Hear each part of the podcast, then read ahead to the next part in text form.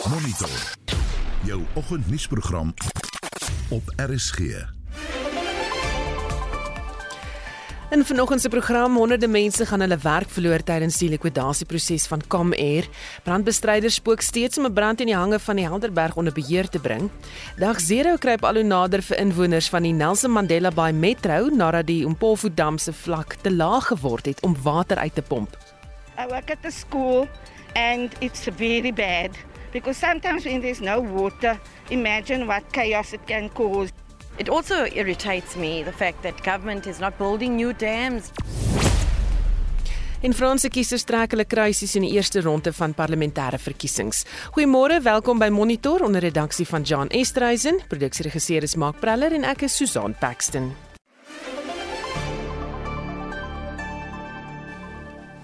Sy so bykans 13 minute oor 6 jy luister na Monitor. Kom hier se likwidasie is 'n reuse verlies vir die lugvaartbedryf. Lugvaartkenner en uitsaier Brian Emmons sê Comair was vir jare een van die grootste en mees suksesvolste lugrederye in Suid-Afrika.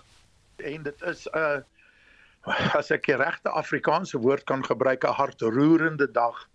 Jy weet toe hulle dit aankondig want soos jy reg sê, Comair was jy weet in die beginjare ek dink die enigste kompetisie vir Suid-Afrikaanse lugdiens. SAL en Comair se vliegtye het so langs mekaar gestaan.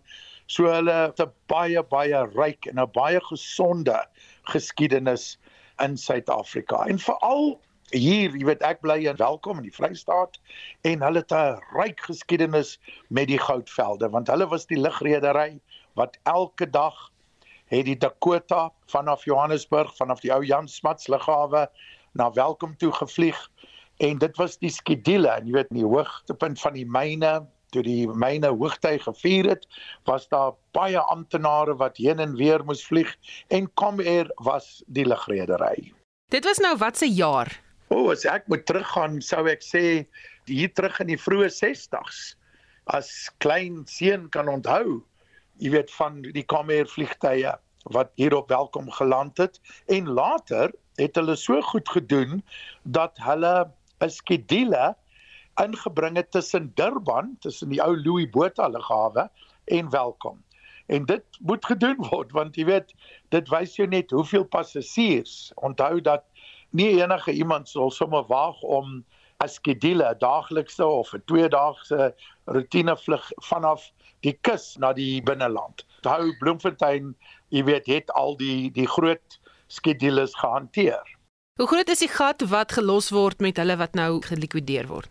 Wel, hulle was 'n groot rolspeler. Hulle twee gebiede gehanteer. Een was Kalula wat nou hulle lae koste soos Mango, hulle was die laagkoste lugredery en dan natuurlik British Airways kom hier.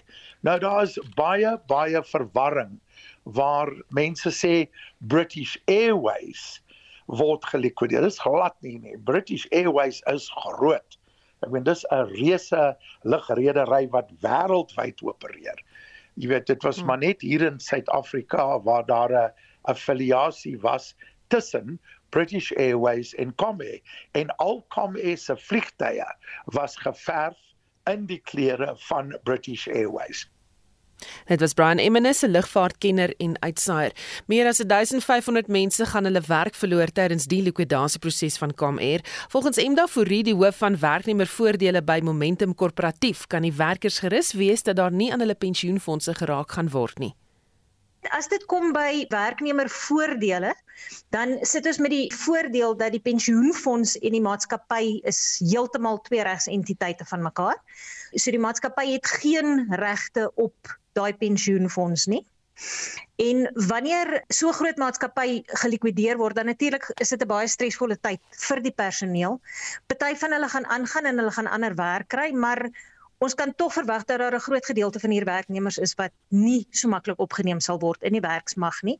En ons weet dan nou natuurlik ook dat die impak van so 'n persoon wat sy werk verloor is ten minste op 6 mense verder in die samelewing en in Suid-Afrika met ons huidige werkloosheid dink ek is daai getal selfs hoër. Maar beide die arbeidswet as ook die pensioenfondswet bied vir beskerming tot personeel, beide op hulle pakkette wat die werkgewer moet uitbetaal, as ook dan nou natuurlik op hulle pensioenfondsgeld wat heeltemal apart is van die werknemer. En wat van ander voordele? Hoe moet die tydens hierdie likwidasieproses bestuur word? So wat baie belangrik is is die oomblik wat hierdie fonds in likwidasie ingaan, dan gaan daar geen premies meer inkom nie. Wat dan nou beteken enige versekering wat hierdie fonds of wat die werkgewer deur die fonds vir die lede gehad het, gaan dan nou op daai stadium stop. Nou dis nou versekerings soos jou doodsvoordele, soos jou ongeskiktheidsvoordele en selfs jou begrafnisdekking wat jy dalk van jou werkgewer mag gehad het.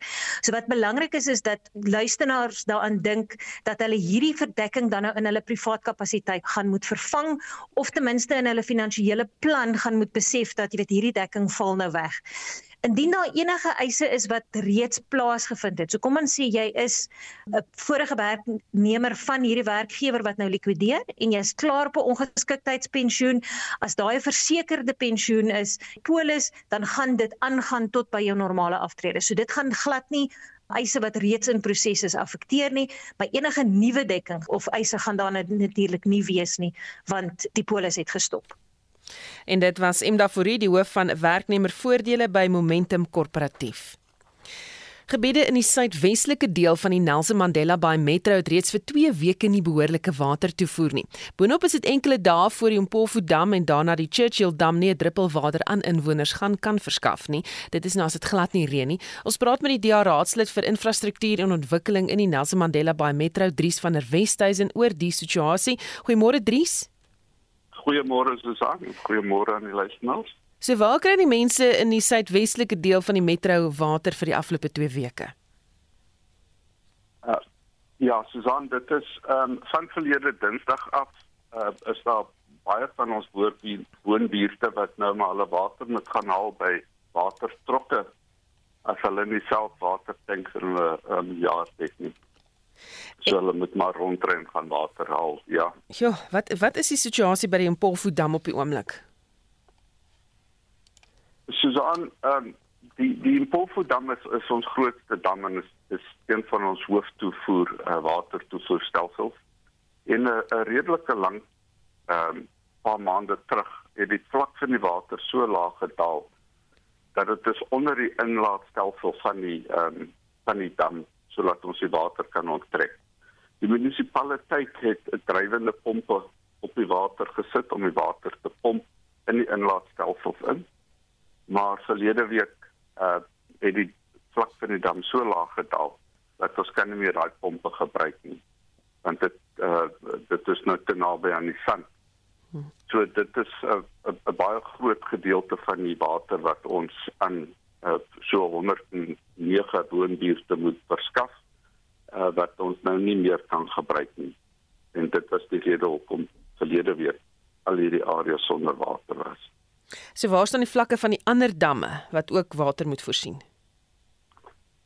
Kyk die uh die Churchill dam uh, is op dieselfde lyn as die Impofu en en daai dam is is ook nou um, onder 10%.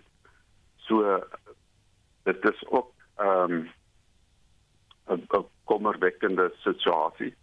Uh dit is uh, jy weet ons praat al vir baie maande lank oor dag 0 vir die Nelson Mandela Metro en en dit is juist as hierdie twee damme nou al twee nie meer water kan verskaf nie, sit ons met ten minste 100 uh 109 woonbuurte wat nie water deur hulle pype kan kry nie.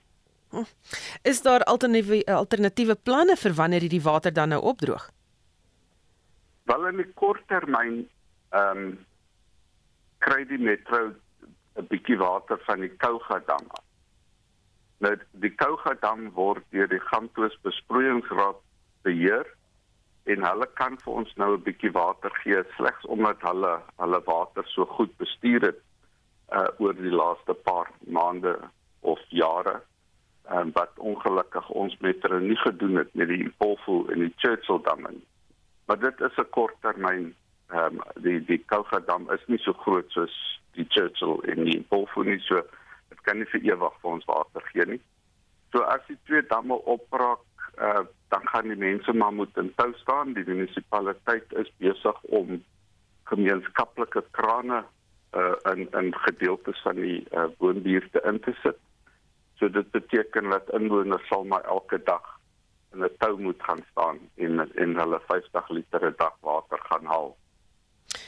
Ja, nee, ek, ek kyk na van hierdie foto's van hierdie krane wat so geïnstalleer word, lyk like amper soos 'n begrafplaas kruise wat so ingesit word.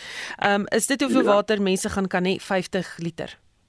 Dit is dit is 50 liter per persoon per dag. Ehm um, ja. Ja. Dit is kyk ehm um, ons probeer al 'n uh, rukplank om die inwoners te waarsku dat dit is die ehm um, situasie en volgens die munisipaliteit se reëls sal jy jou eie water moet gaan haal. Jy kan nie vir jou vrou of jou kinders gaan haal nie. Dit beteken almal gaan in die tou moet kom staan. Ehm um, ek meen dit gaan Nou prakties is dit. Groot probleem wees. Ja, dit is heeltemal onprakties eintlik. Ek meen kinders moet skool toe gaan, mense moet gaan werk. Ehm uh, so uh, ons moet moet sien wat gaan hier uitkom. Hmm. So enige aanduidings van moontlike verligting reën wat dalk voorlê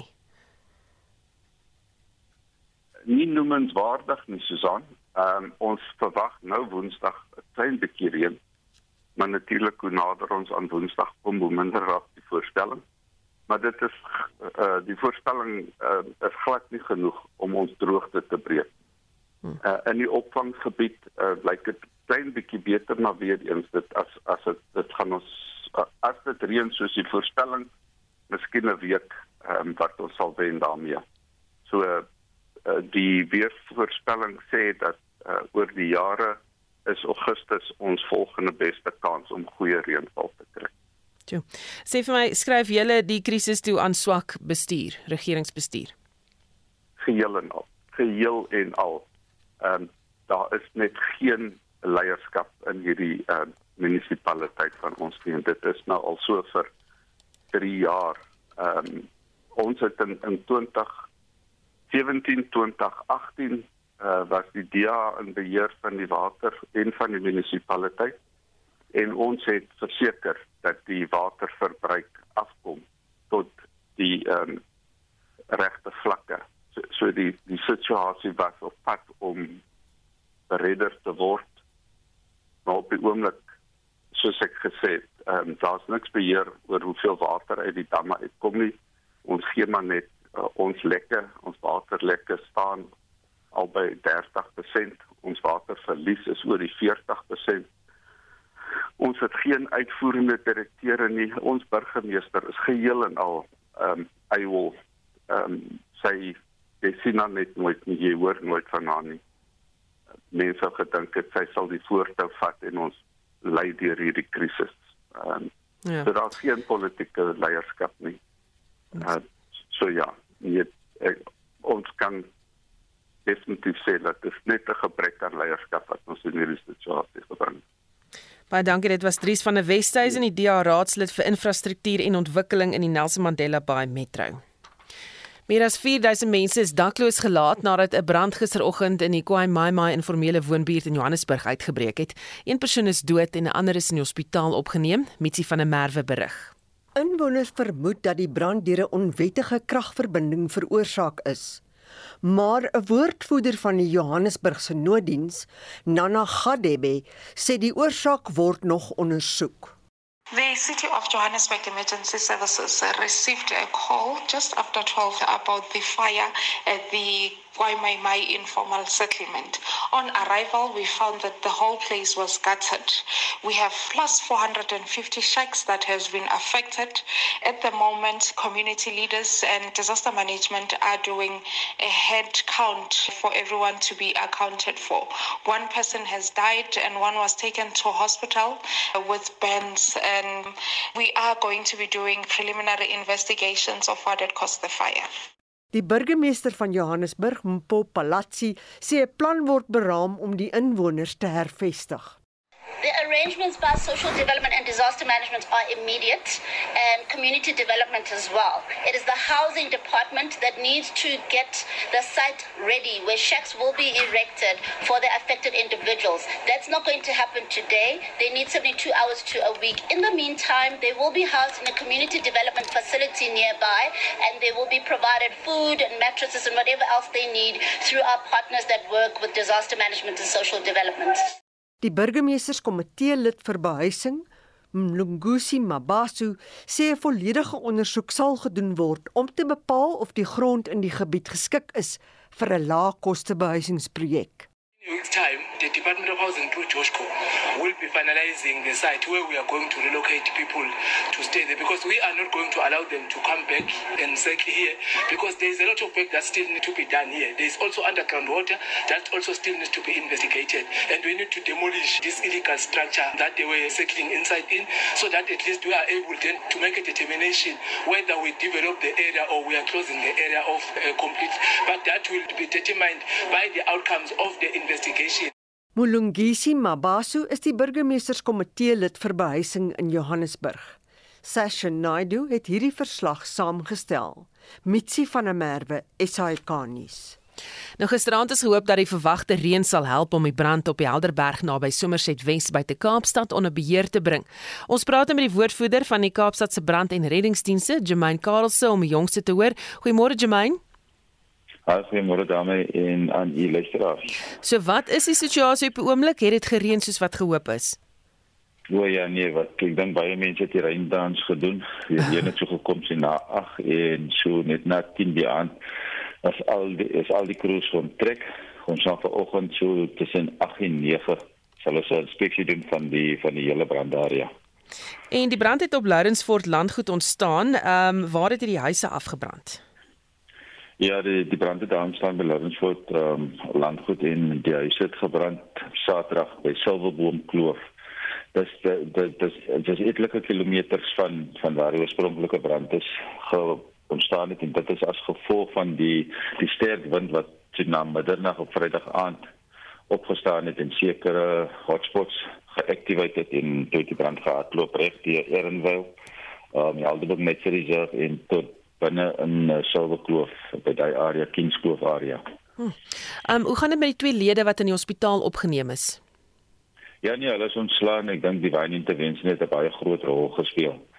Ehm um, toe hulle die foto's sien die die die volgende oggend want dit het in die, in die aand gebeur. Dit was so na na 10 woensdag aand. Toe hulle die die die volgende oggend die, die foto's sien. Toe besef hulle hulle was letterlik uh, seker omtrent minder as 'n meter weg van van van die water in die dam en is eintlik 'n boom wat hulle eintlik gered het. Jo, wat presies het gebeur? Ja, die dit lyk of die die gewig van die voertuig toe hulle om om 'n om 'n draai gegaan het, het die hele een kant weggekalwer en toe die die die voertuig daar afgerol. Ja. Ons het die die, die voertuig is gelukkig gister gerecover. Ehm um, nie baie skade aan nie. Ehm um, dit was nog as uh, iets om te sien hoe hulle daai voertuig uit ge, uitgehaal het uit daai situasie het. Ja. Is daar enige weerstoestande wat julle taak om hierdie brand onder beheer te bring het bemoeilik het? Ja, ek dink die grootste is natuurlik moeder natuur. Dis een van die dinge wat ons nie beheer het nie. En dit was daai daai wind. Die vuur was tyd in 'n baie inaccessible areas. Ons het met ground crews gewerk van Cape Nature, um, Wildland Fire Services en biodiversity hoog aan die aan die ja, teen die hang van die berg en toe daai vuur kom met net die vuur die wind kom met net die vuur gespot op sekere plekke en van daar ewen die choppers, was dit gebruik die choppers opbring um, die Saterdagoggend na hulle self gesê nee, hulle kan nie vlieg in daai um, daai toestande nie.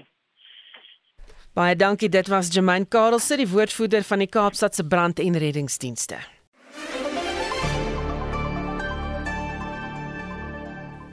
638 jy luister na Monitor die mededingingskommissie sê hy hou pryspatrone van vervaardigers en groothandelaars fyn dop met die hoë brandstofpryse wat druk op verbruikersgoedere en dienste plaas. Die hoofekonoom van die kommissie, James Hodge sê daar word 'n ondersoek na vars produkte gedoen. And we have seen through this pandemic obviously it's been subject to a number of shocks but it's exposed I think some potential problems in the market and and a market inquiry is really about how to improve competition in a market and improve outcomes where there may be factors that could be even of a regulatory nature that are hindering it. Mm. So what we have seen through this pandemic is, for one, large variances between fresh produce markets and prices across the country. Die verskille was groot, veral in armer gebiede. We've also seen a lot of volatility among some of the smaller fresh produce markets. But there's also, through the research we've done in our concentration study, is there's quite a lot of concentration at the, the sort of input stage, fertilizers, seeds, and then at the output stage, a lot of fresh produce obviously isn't processed. As we saw with the ginger garlic in the, in, I think, the second wave, that that sometimes percentages are just added after the farm gate, and even farmers are astounded at the difference in price between the farm gate and the retail shelf. Hodge sê die kommissie wil die verskaffingsketting beter verstaan. So really it's about proactively making markets work better mm. and that's what we want to focus. And fresh produce is the South African market. We don't export, we don't import and it's probably therefore the price formation in this market is largely determined within our borders. Hiermee saam beklemtoon Hodge dat die kommissie wel begrip het dat daar stygende insetkoste in spesifieke kommoditeite is. Fresh produce is a local market, most that will happen is, is fertilizer and fuel cost increases. But also our export markets, maize, we're net exporter and our SAFEX price is determined by global markets in a sense. So what we've got to do is track how much these inputs are going up and look at then how much the processed food or the retail prices are going up. And if they're out of sync, it suggests that there may be some exploitation happening. So we will be increasingly looking at detailed cost and pricing information from food producers and retailers. Die bedrywe wat deur globale skokke geraak word, sal bekyk word. Sunflower oil, wheat because of the export ban, palm oil because Indonesia introduced and didn't reverse their export ban. I think the fear, and this is a fear that we've had consultations with agencies globally, it's a fear in the US, it's a fear in Europe, that because there's an expectation price will go up, that can be exploited. Prices can be put up much higher than actual costs are increasing. So what we look to monitor is these commodity markets, wheat, soya, oil, even the sort of imported price of chicken. James Hodge is die hoofekonoom van die mededingingskommissie. Mitsi van der Merwe, SAK nuus. Tyd vir 'n kykie na wat in die buitewêreld aangaan. Die Franse president Emmanuel Macron kan heel moontlik die meerderheidsstemme in die parlement kwyt wees. Die eerste ronde parlementêre verkiesings is gister gehou, Marlenae. Ja, Susan en een van sy oppositielede, Jean-Luc Mélenchon, het die media toegespreek. Au terme de ce premier tour, la nouvelle Union populaire With regards to this first round, the new Ecologic and Social People's Union has come out on top and will be present in more than 500 constituencies in the second round. So the projection of seats at this moment doesn't make sense, other than to maintain an illusion. And we hope our adversaries will be stunned. The truth is, the presidential party, with regards to the first round, is beaten and defeated. Ons het so 'n bietjie later meer hieroor. Maar vir nou fokus ons eers op die oorlog in Oekraïne. Marlenae Amnesty Internasionaal beskuldig die Russe van oorlogsmisdaad. Die organisasie se jongste verslag sê duisende burgers in Kharkiv het hul lewens verloor weens die gebruik van trosbomme in Kharkiv se woongebiede. Raya Hentekose inwoner wat dit ervaar het. Ужасно. Ужасно, когда It was horrible. Horrible. When the Russians were firing, you would get thrown into the air from your chair. It's hard to describe, but that's what it was like. Nou, Amish de Breton Gordon is 'n wapenspesialis aan die Universiteit van Cambridge en hy verduidelik hoekom die wapens verbied word.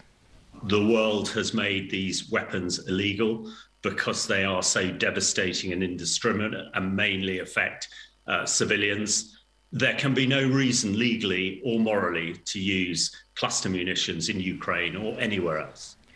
Maar Rusland ontken dat hy burgerlike inwoners teiken. Intussen lyk dit asof daar tog vordering gemaak word met strenger vuurwapenwetgewing in Amerika. Ja, na die afgelope tyd se massa skietvoorvalle het demokrate en 10 republikeine in die senaat ooreengekom op 'n raamwerk. In die verband nou, dit sluit strenger goedkeuring kriteria in vir diegene onder 21, asook strenger optrede teen onwettige verkope van vuurwapens. Nou omdat die wetsontwerp 10 Republikeine se ondersteuning geniet, kan dit tog goedgekeur word as 'n wet uiteindelik. Nou president Joe Biden verwelkom die stap, maar hy meen die wetgewing kan self strenger word. Tienduisende mense het intussen die afgelope naweek betoog teen die huidige wetgewing na twee massaskietvoorvalle die afgelope tyd. Baie dankie, dit was Marlenae Forsie met 'n oorsig van wêreldnuus gebeure. Kiesers in Frankryk het gister in die eerste ronde van die land se parlementêre verkiesing gestem soos jy pas gehoor het en ons praat nou hieroor met 'n politieke ontleder aan die Universiteit van Pretoria, Roland Henwood. Goeiemôre Roland. Goeiemôre Susan. So wat is die voorlopige uitslag? Op die stadium lyk dit asof die party van president Macron en die meer linkse sosialistiese koalisie kop aan kop is. Daar's 'n klein komma deelte van 'n persentasiepunt wat hulle op die stadium van mekaar onderskei. Uh die belangrike is dat dit die eerste ronde is dat daar tweede ronde gaan wees um, om in die eerste ronde verkies te word moet jy 'n volstrekte meerderheid kry. Dit beteken jy moet meer as 50% van die uitgebragte stemme kry, maar ook meer as 25% van kiesers moet deelneem. En dit is die kritiese punt op die stadium dat die eerste ronde van die verkiesing het een van die laagste um, vlakke van deelname nog ooit in Frankryk um, tot gevolg gehad die dit lyk asof omtrent net 47% van die kiesers wat geregistreer het deelgeneem het. So die volgende ronde vind komende Sondag plaas en dit sal dan bepaal waar die kandidaate wat in die eerste ronde die meeste stemme gekry het, gewoonlik die eerste 2 of baie keer 3 kandidaate dan deurgaan na 'n volgende ronde toe. Beteken dit dat president Emmanuel Macron moontlik dan 'n werkende meerderheid in die parlement kan hê? Uh, die verwagting was dat hy 'n werkende meerderheid sou met ander dat sy party soveel stemme sou hê dat hulle besluite op hulle eie kon neem. Op die stadium lyk dit asof hy dalk dit kan maak, maar ook dis die kans baie goed dat hy gedwing gaan word om 'n koalisie vernoot in te trek. Hmm. President se sterk oppositie of sterkste oppositie kom glo uit 'n verenigde linksgesinde blok wie's hulle?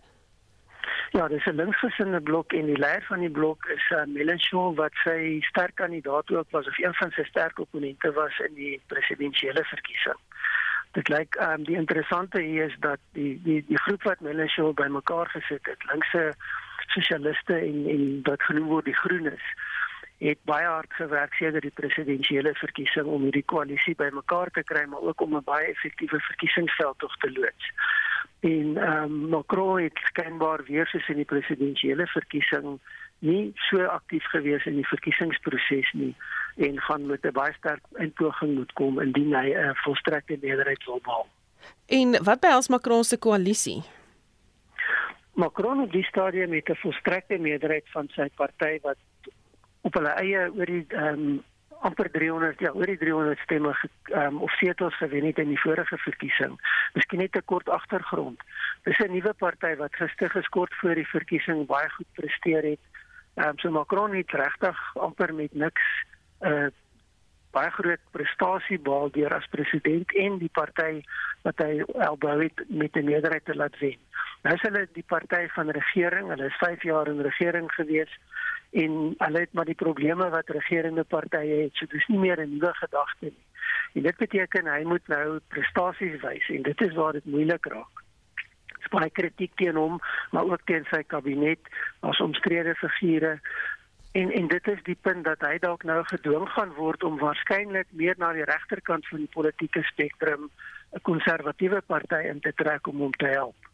Um, hy het so 'n vernoot gehad wat hy nie nodig gehad het nie wat met hom saamgewerk het tot nou toe en maar dit kan wees dat daardie vernoot nou die deurslaggewende rol gaan speel. Indien dit nie gebeur nie, um, dan natuurlik kyk ons na 'n regering waar die president wat die uitvoerende gesag beheer met oppositiepartye moet saamwerk om enige beleidsbesluite te kan deurvoer. Hmm. Baie dankie. Dit was 'n politieke ontleder van die Universiteit van Pretoria, Roland Henwood. Die ANC se tussentydse provinsiale komitee Noordwes sê hy is gereed vir die provinsiale verkiesingskonferensie wat oor 2 weke plaasvind. Die konferensie is reeds 3 keer uitgestel. Vir ontleding praat ons nou met 'n politieke ontleder by die Noordwes Besigheidsskool, professor Andrei Dievenage. Goeiemôre Andrei. Môre Susan. Hoe kan die konferensie dan nou nie van die grond af kom nie? Uh, dan my inligting is dat uh, of ons begin by die geskiedenis. Die geskiedenis is 'n geskiedenis van konflik. Hy's 3 keer uitgestel en uiteindelik is daar geëindig met 'n interim provinsiale komitee onder leiding van Chouki. Maar op die oomblik moet ek sê is die inligting wat ek ontvang dat die beplanning vir die konferensie redelik goed verloop. Uh daar gaan 'n bepaalde akkreditasieproses by die Olympia stadion wees en dan sal die mense beweeg na die burgersentrum waar die verkiesing gehou gaan word. Ons moet sê die verkiesing word beplan vir 23 tot uh, 26 Junie, so dit wil sê binne enkele weke. En uh, die sogenaamde drempelgetal uh takke is ook reeds bepaal en bereik, so dit lyk positief wat dit betref. En dan die ander aspek, die konflikresolusies wat bestaan ten opsigte van probleme van die aanwysing van kandidaate binne takke word ook redelik goed hanteer. So logisties, organisatories lyk dit hierdie keer beter en ons hou moed dat die konferensie wel kan plaasvind. Wat wel interessant is, is die groot getal kandidate wat kompeteer en wanneer dit kom by die voorsitter van eh, die ANC in Noordwes is daar ten minste 5 kandidate wat gaan kompeteer. Dit is Motopole Roshi, die MEC vir finansies, dan 'n ander MEC Kenetsi Motsonogi, beide vroue en dan die huidige premier Bushimape, dan 'n kandidaat wat ek reken baie sterk staan, Nono Moloi en dan die welbekende persoon wat aan die RET verbind word, niemand anders as Supra Mohamopelo nie. Nou op die oomblik lyk dit voorlopig asof Nono Moloi 'n voorsprong het ten opsigte van die ander kandidaate. Dit word ook gesê dat Motlopoole Roche bepaalde steunbasisse het. Wat interessant gaan wees is of van hierdie kandidate met mekaar in samewerking kan tree en dit kan die posisie van meneer Nono Moloi effens in gevaar stel sou al die kandidate teen hom saamstem maar op die oomblik as ek 'n wedder moet wees sou ek gaan met meneer Nono Moloi maar ek sou ook kyk na Motlopoole Roche En natuurlik is meneer Supramamopelo altyd 'n faktor. Die inligting sê dat Genetsi Mosonegi en meneer Supramamopelo baie nou met hmm. mekaar saamwerk. Andre, sê vir my hoe groot is die faksieverdeling nog in die provinsie? Die faksieverdeling is uiteraard daar. Daar sal daar was altyd 'n diep verdeling in die provinsie en dit hou maar verband met die groter lyne binne die ANC, naamlik die uh RET groep wat ek dink hier verteenwoordig word deur veral meneer Mohamopelo, maar ook Genetsi Mosenegi, maar dan ander kandidate soos Bushimape, Nono Moloi en Motopule Roche, dink ek staan nader aan die breër Ramaphosa lyn. En ek moet sê wat dit aanbetref, lyk dit tog asof die uh, Ramaphosa lyn met veral Nono Moloi en Nono Moloi koppel ook na 'n Paul Mashatile se kant toe wat nasionaal invloedryk is en op die oomblik die waarnemende sekretaris-generaal van die ANC is. So ek wil amper sê die pad wat vir my dit lyk op die stadium die konferensie kan loop kan baie vergelykbaar wees met wat ons in ander provinsies gesien het en dit mag 'n goeie uitslag wees vir meneer Cyril Ramaphosa en ek dink gegee die Farmgate insident het hy dit nodig dat die provinsies hom op die stadium steun. Baie dankie. Dit was professor Andrei Dievenage, hy's 'n politieke ontleder by die Noordwes Besigheidsskool in Potchefstroom. En onthou die volgende nuus aktualiteitsprogram is tussen 12 en 1 die Spectrum dan kyk ons verder na die dag se jongste nuus en onthou brandpunt wat 'n opsomming sal wees van die dag se nuusgebeure van vanaand so kwart voor 6. En ons gedagte is ons uitvoerende regisseur Nicoline de Weer, die redakteur John Estreisen en ons produksieregisseur is Mark Praller. My naam is Susan Paxton. Geniet jou dag in die geselskap van RSG.